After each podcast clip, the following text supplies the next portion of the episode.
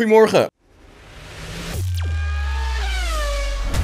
Max Verstappen heeft gesproken met Netflix over Drive to Survive en zal in het nieuwe seizoen vaker in beeld zijn dan het afgelopen jaar.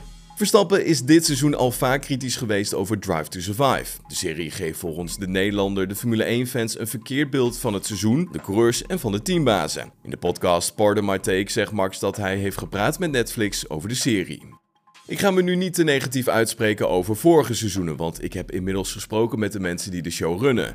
We zijn tot een goede verstandhouding gekomen voor de toekomst en hoe we daarin samen kunnen werken. Ik weet zeker dat je mij in het volgende seizoen wat vaker zult zien. Al dus, Max Verstappen.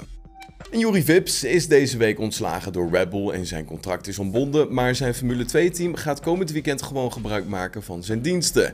De coureur mag, ondanks zijn racistische uitspraken, dit seizoen gewoon in de Formule 2 blijven rijden. In de statement legt het team uit dat ze de Est een kans willen geven om zichzelf te bewijzen en om het goed te maken op de baan. Hightech laat weten dat ze natuurlijk tegen racisme zijn, maar ze hadden het allemaal toch iets anders aangepakt.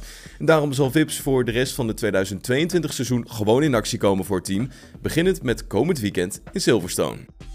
En Nelson Piquet is niet meer welkom op de Formule 1 paddock. De VIA en de Formule 1 grijpen hard in na zijn racistische uitspraken richting Lewis Hamilton dat hij deed in een interview vorig jaar. Piquet heeft zelf ook gereageerd in een statement en daarin zegt hij onder andere het volgende.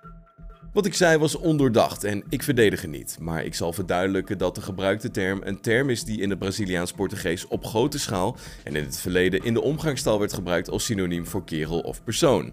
Het was nooit mijn bedoeling om te beledigen. Ja, de Grand Prix van Groot-Brittannië staat natuurlijk dit weekend op het programma. En daarom een goed moment om even een tijdenschema met jullie door te nemen. Zodat je ja, natuurlijk weet wanneer je klaar moet zitten voor de sessie. De eerste vrije training begint deze vrijdag om 2 uur in de middag.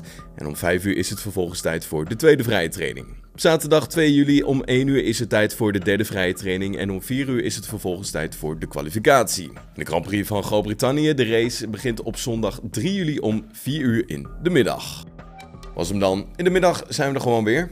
Tot dan. Hoi.